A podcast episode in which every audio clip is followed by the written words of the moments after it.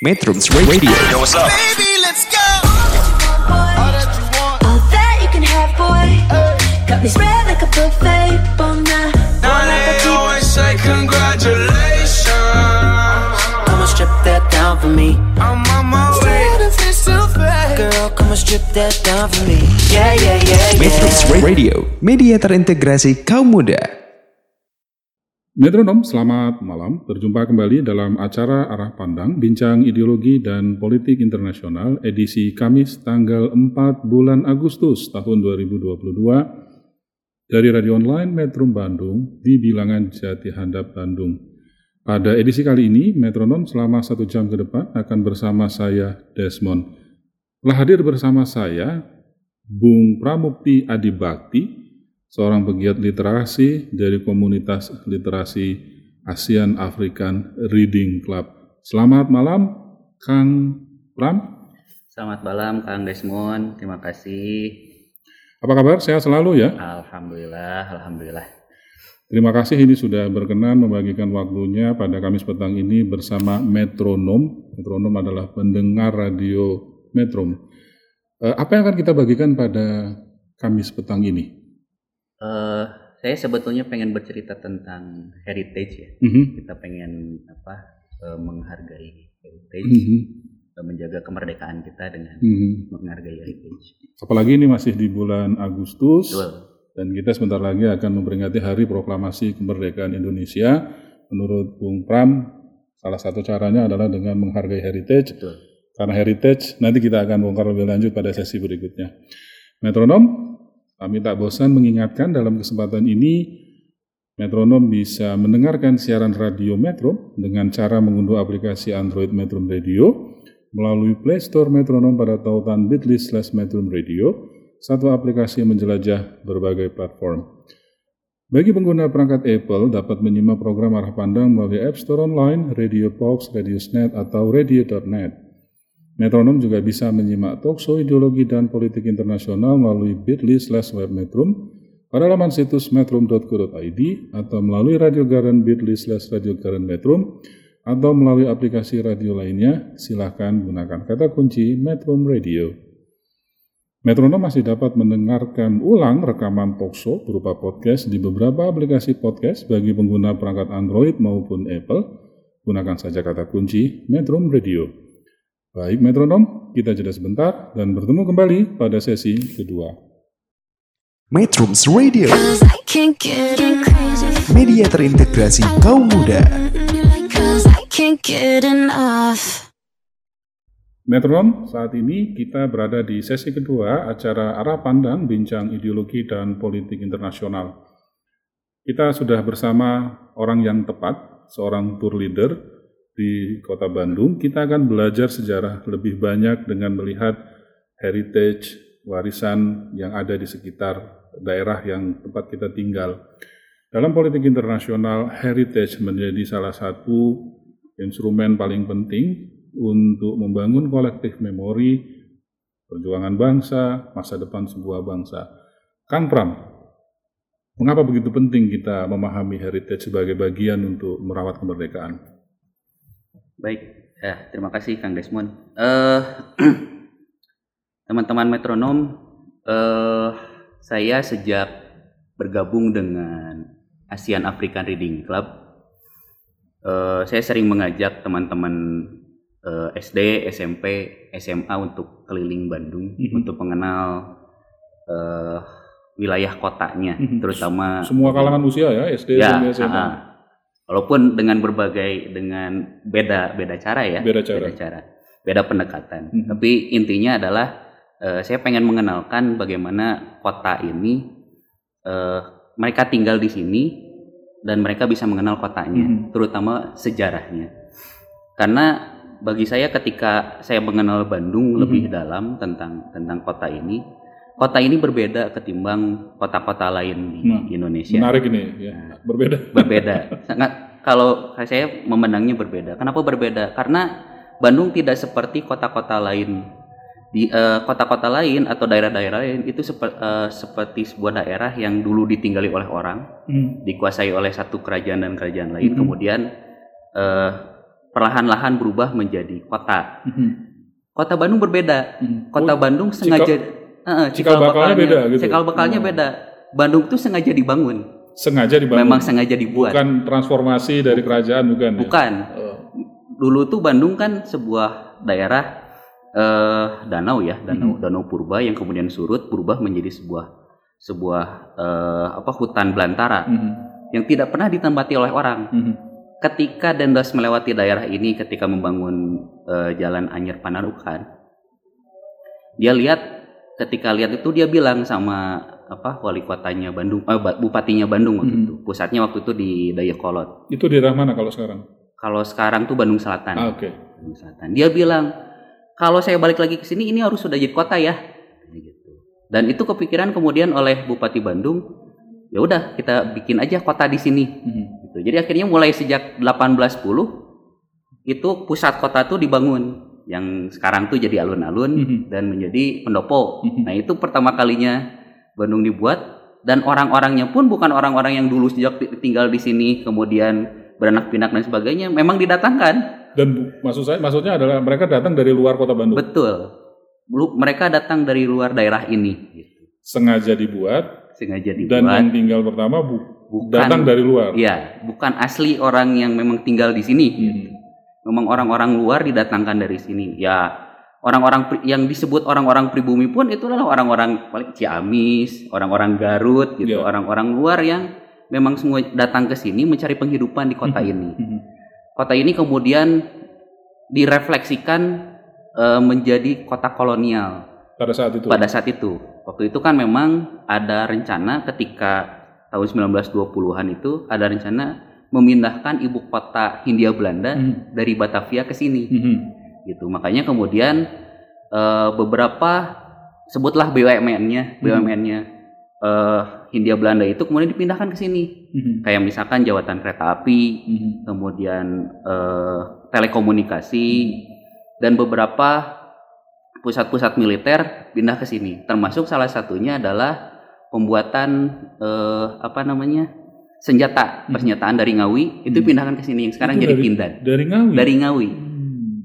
Orang-orangnya pun dipindahkan ke sini, Hmm. termasuk eh, apa eh, para pekerjanya Hmm. yang kemudian mene- eh, menempati sekarang ya- yang jadi babakan Surabaya. Oh, itu itu orang-orang. Surabaya. Oh. orang-orang Surabaya yang bekerja di apa PT Senjata di Ngawi itu Iya. memang didatangkan ke sini kemudian bekerja di yang sekarang menjadi Pindad Mhm. gitu. Dan itulah kenapa kemudian saya pengen mengenalkan kepada teman-teman apa para pelajar itu dari SD, SMP, SMA itu mereka supaya mengenal kotanya ini kota yang sangat istimewa. Mhm. Ini kota yang berbeda dari kota yang lain Mhm. dan teman-teman harus mengenal bahwa ini dulu ketika dibangun memang akan menjadi kota kolonial. Mhm.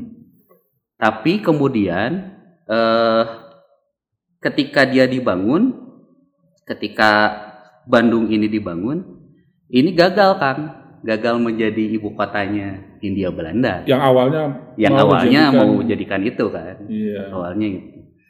Gagal kenapa? Karena ketika tahun 1942 Belanda sudah keburu kalah dari Jepang. Perang dunia. Perang Dunia, betul. Hmm.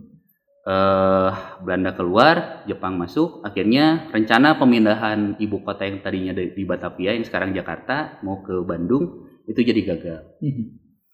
Pemilihan Bandung pun sebetulnya tidak asal Mhm. karena Bandung sebetulnya adalah benteng yang paling sempurna Mhm. bagi bagi Belanda. Benteng alam atau benteng bagaimana? Benteng alam. Bandung itu tadi kan saya bilang bahwa Bandung itu seperti danau Mhm. karena bentuknya seperti danau, dia punya benteng alami dikelilingi oleh gunung. Mhm. Kalau saya nggak salah sih teman-teman JGB Jajah Gunung Bandung pernah bilang eh, ada sekitar 200 gunung yang mengelilingi Bandung. Mhm. Gitu. Dan itu menjadi benteng alami. Kita tidak bisa diserang dari laut. Mhm. Dari darat cukup sulit untuk masuk lewatnya. Paling Hmm. kemungkinan adalah lewat lewat udara. Mhm. Gitu. Makanya kemudian saya pengen mengenalkan itu kepada kepada teman-teman teman-teman pelajar. Mhm. Ada banyak ada banyak heritage heritage yang menarik Mhm. gitu loh di sini gitu ketika Itu bukan cuma menarik tapi eh, penuh dengan nilai historis ya. Wah sangat sangat sangat gitu, sangat sangat historis. Malah sekarang sampai sekarang pun banyak heritage heritage di Bandung yang masih bertahan sampai hari ini. itu ternyata kemudian ketika diteliti berbeda dari heritage apa dengan bangunan-bangunan Eropa bahkan di Eropa sekalipun. Padahal dulu yang merancang Padahal yang, yang merancang orang-orang Eropa. Kenapa bisa Orang-orang begitu? Belanda. Nah, yang pernah saya dengar ceritanya adalah eh, orang-orang Eropa ketika datang ke sini, terutama orang-orang Belanda, para arsiteknya ketika melihat dataran Bandung itu seperti tercerahkan, Mhm. dia seperti mendapatkan sebuah ilham yang Mhm. sangat banyak. Eh, kalau saya pernah dengar dari salah satu arsitek di ITB, dia Mhm. bilang da- da- dataran Bandung itu berkelok-kelok dan bodor berkelok-kelok dan dan bodor. bodor. Bodor itu lucu, Mhm. jadi memi- menimbulkan banyak inspirasi, Mhm. inspirasi-inspirasi baru. Misalkan eh bangunan Villa Isola di eh, Ledeng, Kadang. di Ledeng. Itu kan bentuknya lekuk-lekuk, nggak nggak gimana Iya, gitu ya. Iya, iya. Ternyata itu terinspirasi dari propeller pesawat terbang kan. Oh, diwujudkan Diwujudkan menjadi, menjadi sebuah, sebuah karya bangunan. bangunan. Betul. Beberapa bangunan misalkan kayak di Jalan Lengkong, ada yang bagian atapnya seperti bentuk baut Mhm. gitu. Jadi ketika Jangan-jangan pas ngerancang ngeliat bau. Nah, bisa jadi. bisa jadi. Jadi akhirnya orang-orang ini ketika merancang eh, bangunan-bangunan di Bandung menjadi sangat berbeda ketimbang di Eropanya sendiri. Mhm. Apalagi kemudian di di Bandung waktu itu didirikan satu universitas, satu institut yang secara khusus mempelajari tentang itu, Mhm. eh, teknis Hog School Ya. di Bandung yang sekarang menjadi ITB. Mhm. Itu kan menjadi menjadi apa? Menjadi bang, eh, menjadi satu tempat di mana para arsitek di Gembleng kemudian mereka ketika keluar dari sana mereka meluncurkan apa bangunan-bangunan yang boleh dibilang antik Ya. Mhm. yang bangunan-bangunan yang wah lucu lah gitu Mhm. bentuknya. Jadi akhirnya saya pengen mengenalkan itu kepada teman-teman pelajar bahwa teman-teman di Bandung tuh ada banyak hal-hal yang menarik, banyak hal-hal yang yang unik yang teman-teman gak akan pernah temui Mhm. di kota-kota lain. Gitu. Mhm. nah itu yang pengen saya perkenalkan. Di luar itu akan akan, akan sangat banyak sekali eh, pelajaran historis yang Mhm. pengen yang seharusnya bisa dipelajari tidak menjadi sebuah tidak menjadi sebuah pelajaran yang menjemukan. Ya. Ya kan ketika belajar sejarah dulu jemu sekali Kang Ya. harus nga- ngapalin tahun ngapalin. tapi ketika berubah menjadi sebuah cerita yang menarik di dalamnya ada ada ada dinamika kehidupan manusia saya menjadi menjadi tertarik dan, Ya. wah ini kok Bandung gini ya Mhm. saya hidup di dalamnya saya eh, apa saya eh, besar di sini dan saya pengen menularkan itu pada teman-teman yang lain Hmm, Kalau bagaimanapun itu adalah warisan kolektif memori mereka yang tinggal di Bandung untuk generasi muda hari ini ya. betul Baik, eh, Kang Pram menarik sekali. Saya baru tahu banyak hal ya. Tadi tadi yang terakhir itu lucu ya. Ada propeller pesawat, ada bentuk seperti baut. Nanti kita ungkap lebih lanjut pada sesi ketiga. Metrums Radio, media terintegrasi kaum muda. Metronom, kini kita berada di sesi ketiga acara Arah Pandang Bincang Ideologi dan Politik Internasional. Di sesi kedua tadi, eh, Kang Pram sudah membagikan banyak hal menarik yang tidak pernah saya terutama membayangkan sebelumnya. Bagaimana sebuah kota lahir sengaja dibuat dan penduduknya datang dari luar dan dia beradaptasi dengan perubahan. Ini adalah hal menarik yang kemudian menjadi warisan kolektif memori kita sebagai warga kota Bandung. Kang Pram, tentu Kang Pram punya pengalaman yang luas sebagai tour leader. Kalau dilihat dari dibandingkan dengan kota-kota lain di Indonesia, bagaimana menurut Bung Pram? Oke, eh sebetulnya kalau saya pengen membandingkan dengan kota-kota lain, saya tidak pengen membandingkan dengan arsiteknya, gitu. Karena saya bukan bukan orang arsitek, Mhm. terus juga apa eh, yang jelas bahwa saya tidak ahli di bidang itu. Tapi saya pengen yang pengen saya bagikan adalah eh bagaimana perbandingan perbandingan antara eh, kesejarahan antara satu daerah dengan daerah lain, Mhm. terutama di bidang eh, apa di bidang heritage-nya. Dan jangan-jangan sejarahnya juga dipengaruhi oleh heritage. Nah, bisa jadi. Nah, itu yang yang kemudian saya saya pribadi eh karena saya sering memandang sejarah, bu, saya bukan orang sejarah, tapi saya sering memandang sejarah berkaitan satu dengan yang lainnya, termasuk juga dengan heritage-nya. Misalnya, eh, saya membandingkan dengan eh, radionya Bung Tomo di Surabaya. Hmm. Beberapa tahun lalu, eh, saya begitu sedih ketika mendengar ada berita radionya Bung Tomo rata dengan tanah. Hmm. Itu kan heritage itu kan dimiliki oleh pribadi, Hmm. kemudian dia meratakannya dengan tanah. Saya pribadi ketika merujuk lagi kepada sejarah, saya merasa sangat emosional. Hmm. Ada hubungan sejarah antara Radio Bung Tomo dengan Bandung. Hmm. Eh, saya ingat bagaimana ketika saya menceritakan sejarah Bandung Lautan Api, itu ada satu ada satu kisah di mana ada anak Cicadas kan, Hmm. dia eh, Ini tahun berapa kira-kira biar ini metronom sekitar ada tahun konteksnya? sekitar tahun 46-an. Ah, sekitar metronom. 45 46 lah. Iya, ini jadi peristiwanya belum lama setelah proklamasi lama, ya. kemerdekaan Indonesia. Ah, Sekitar akhir tahun 45 menjelang 46 Hmm. itu ada ada orang Cicadas itu dia posisinya sedang di Surabaya. Dia mendengar Lebih oke ulina ke Surabaya. Wah, iya tuh. Dia mendengar bagaimana di Bandung juga sedang sedang berjuang waktu itu mempertahankan kemerdekaan. Cuma masalahnya yang dia tangkap dari perjuangan Bandung itu tidak seheroik perjuangan di Surabaya Hmm. yang habis-habisan gitu Iya. di Bandung kan memilih untuk eh, apa tidak tidak menyerang habis-habisan gitu. Hmm.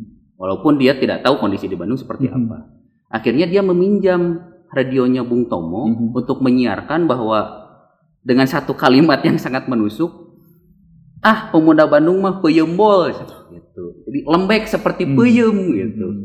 nah di sini di sini yang Itu yang ngomong orang Cicadas. Yang ngomong orang Cicadas Pakai radio Bung Tomo. pakai radionya Bung Tomo Didangukan di dia. Nah, didengarkan di sini. didengarkan di sini ada satu laskar yang namanya di sini tuh istimewa namanya Laskar Wanita Indonesia. Iya. Mereka para wanita yang ikut berjuang memanggul senjata. dia marah. Dia marah terhadap terhadap ejekan itu. Jadinya ketika ketika dia berhadapan langsung dengan pasukan sekutu Mhm. di kalau sekarang Jalan Dewi Sartika Mhm. Dia berjuang habis-habisan sampai panglimanya si Gurkha itu Mhm. kepotong Mhm. kepalanya. Ya. Kepalanya dia ambil, dia serahkan kepada kolonel perjuangan pergerakan waktu itu Mhm. Abdul Haris Nasution di Mhm. kantornya. Dia bilang pada Pak Haris Abdul, Abdul Nasution, "Pak, kalau ceweknya gini gimana dengan pemuda?" Hmm. Jadi- ini, ini maaf, itu dulu waktu itu kalau nggak salah kantor komando eh, Kolonel Abdul Oh, ya. Nasution itu di dekat Jogja itu sekarang ya, ya? betul, betul. Eh, lanjut lanjut kan. Nah, yang sekarang jadi eh, toko jam. Toko jam. Toko jam. itu juga heritage itu juga heritage. Nah di Bandung tuh banyak yang begitu, yang heritage heritage tapi berubah fungsi Hmm. menjadi apa? Sebetulnya saya tidak menjadi masalah sih. Hmm. Apakah heritage itu akan berubah menjadi toko jam, akan berubah menjadi toko kelontong atau menjadi apa? Itu sebetulnya saya tidak jadi Hmm. masalah. Nah, Kang Pram, tadi yang Laswi ini ada hubungannya nggak dengan yang dilihat oleh warga kota Bandung di Jalan Perintis Kemerdekaan? Yang mana? Yang di depan Gedung Indonesia Menggugat seberangnya itu Oh ya, ada Ya, prajurit betul. perempuan membawa senjata. Itu yang betul, mungkin itu, ya itu. personifikasinya betul, ya. personifikasinya itu. Karena yang namanya Laskar Wanita ini yang saya tahu dibentuk dengan nama Laskar Wanita Indonesia itu hanya di Bandung dan di Jogja. Oh, cuma dua kota. Ya, tapi saya nggak tahu ya maksudnya di daerah-daerah Iya, iya. lain apakah ada juga dengan Hmm. nama yang berbeda, tapi saya tidak tahu. Hmm. Yang jelas Laskar Wanita Indonesia hanya dibangun di Bandung dan di Jogja. Nah, Hmm. tempat-tempat lain saya belum tahu. Oke. Itu. Nah, itu satu tadi Radio itu Bung satu Tomo. Radio Bung Tomo. Eta budak Cicadas bisa oh. Nah, ada pengalaman menarik waktu saya ke Ngawi kan. ya. Ke Ngawi. Waktu ke Ngawi, eh, saya main ke Museum Trinil. Sebetulnya Museum Trinil nggak hebat-hebat amat sih dibandingkan Museum Geologi. Mhm. Tapi eh, saya bisa belajar banyak bahwa di sana tinggalannya jauh lebih otentik ketimbang di Museum Iya. Geologi Bandung. Nah, dari sana ketika saya keluar itu saya tahun 2018 kalau nggak salah saya ke sana. Itu sekilas saya lihat plang ada yang namanya rumah sejarah. Mhm. Tapi saya nggak tahu rumah sejarah siapa. Mhm. Dan satu mobil yang saya tumpang itu semua lihat. Mhm. Gitu. Nah eh, ngobrol-ngobrol-ngobrol, ah nggak tahu lah. Pokoknya nanti kalau ke sini lagi, Mhm. saya pengen tahu itu rumah sejarah siapa. Iya. Setahun kemudian saya main lagi ke sana. 2019. 2019. Saya main lagi ke sana. Saya tanya sama orang lokal di sana, Pak di sini ada rumah sejarah nggak? Gitu. Mhm. Ada deh, ada. Mhm. Rumahnya rumahnya siapa? Rumahnya Pak Rajiman. Mhm. Nah, Pak Rajiman itu kan sebagai ketuanya BPUPKI waktu Iya, itu iya. kan. Itu bidannya kemerdekaan. Bidanya kemerdekaan. Wah, saya pengen banget tuh ke sana. Boleh ke sana? Boleh, boleh. Nah, diantarlah ke sana. Hmm.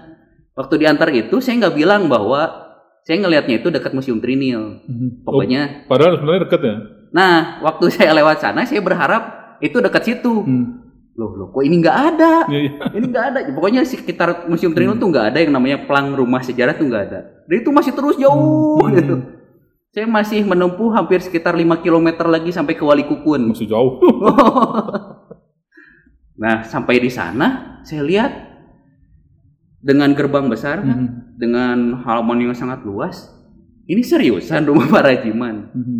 Ternyata ketika saya masuk di dalamnya itu rumah biasa, Ya. tapi eh, sudah dipasang panel-panel sejarahnya Hmm. gitu. Dan itu ternyata yang pasang adalah Museum Perum- Perumusan Naskah Proklamasi Yang di Jakarta. Betul. Hmm. Ternyata itu sudah di apa? Sudah terlacak dan didapatkan. Wah, menarik gitu kan. Saya kemudian tanya sama apa? Sama penjaga rumahnya. Wah, ini rumah ini sebetulnya dengan rumah sebesar ini dan halaman sekitar satu hektar itu hanya tinggalan yang hari ini. Dulu tuh para Jiman punya 67 hektar 67 hektar. dan itu sawah semua, Sawah. sawah semua. Dan itu para Jiman itu selalu bolak-balik ke Jakarta, Mhm. itu lewat selalu pakai kereta kan. Mhm. Dan itu selalu tidak dihentikan di stasiunnya Kang, Hmm. tepat di depan rumahnya. Jadi kalau misalkan dia pulang itu tinggal ke ininya, nanti saya berhenti di sini ya. Iya, iya, iya. Ini kayak angkot ini. berhenti turun. Orang besar kan. Orang besar. Iya, Dan itu iya. menarik gitu.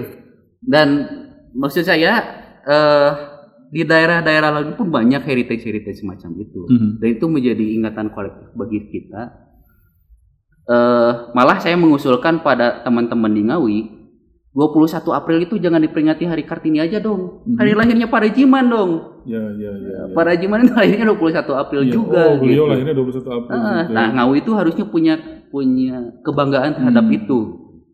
Cuma ya nggak tahu. Maksudnya kalau misalkan saya sebagai sebagainya di sana, saya bisa melakukan itu. Tapi kan saya hanya bisa Mhm. bisa mengusulkan dan bisa hanya bisa menciptakan itu sama, Iya. sama teman-teman di sana. Eh, Kang Pram, ini buat metronom.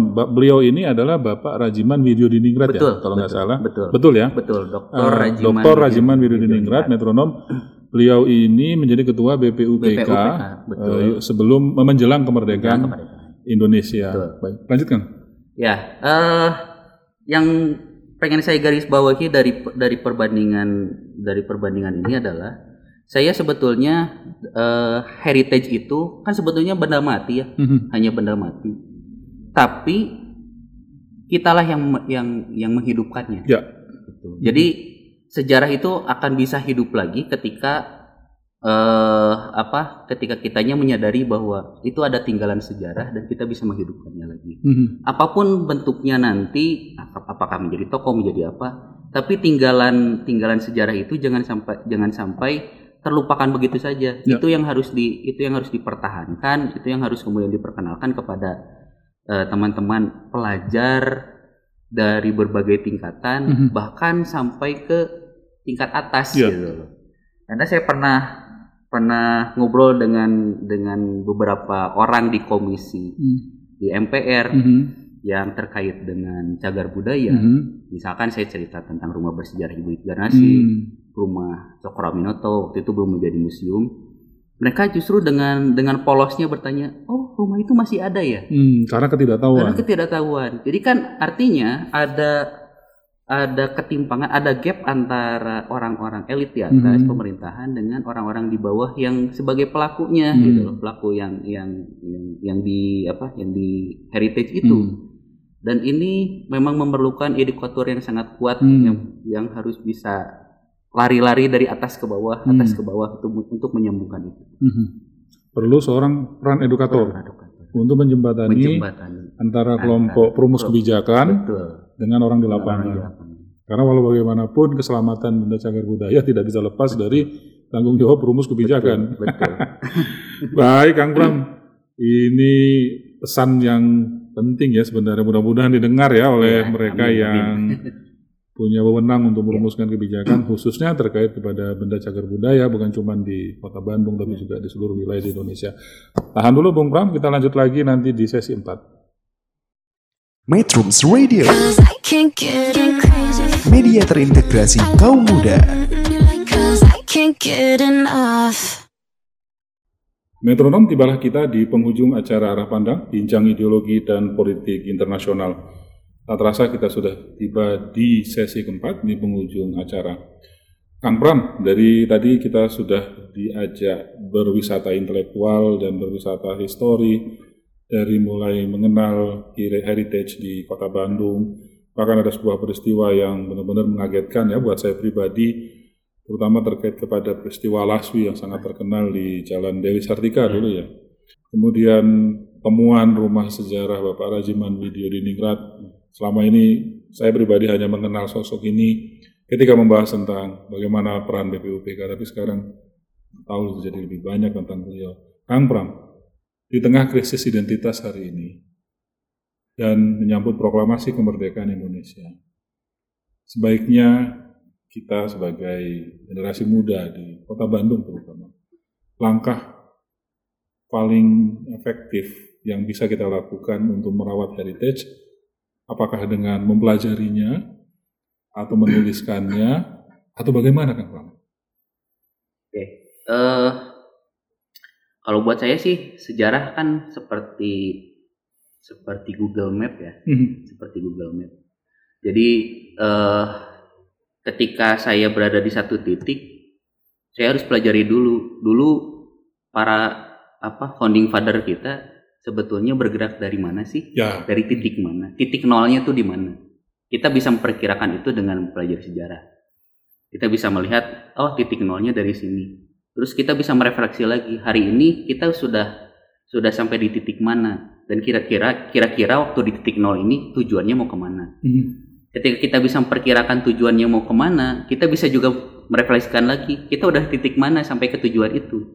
Apakah kita sudah jauh melenceng dari tujuan itu? apakah kita mendekati tujuan itu atau belum gitu. Jadi akhirnya heritage ini saya pribadi melihat sebagai satu tinggalan sejarah di mana kita bisa mempelajari itu. Titik nol kita ada di mana. Terutama bagi bagi wilayah Bandung pribadi di titik ini titik nolnya kita bisa bisa bisa tahu bahwa dulu Bandung itu dibentuk seperti menjadi kota kolonial.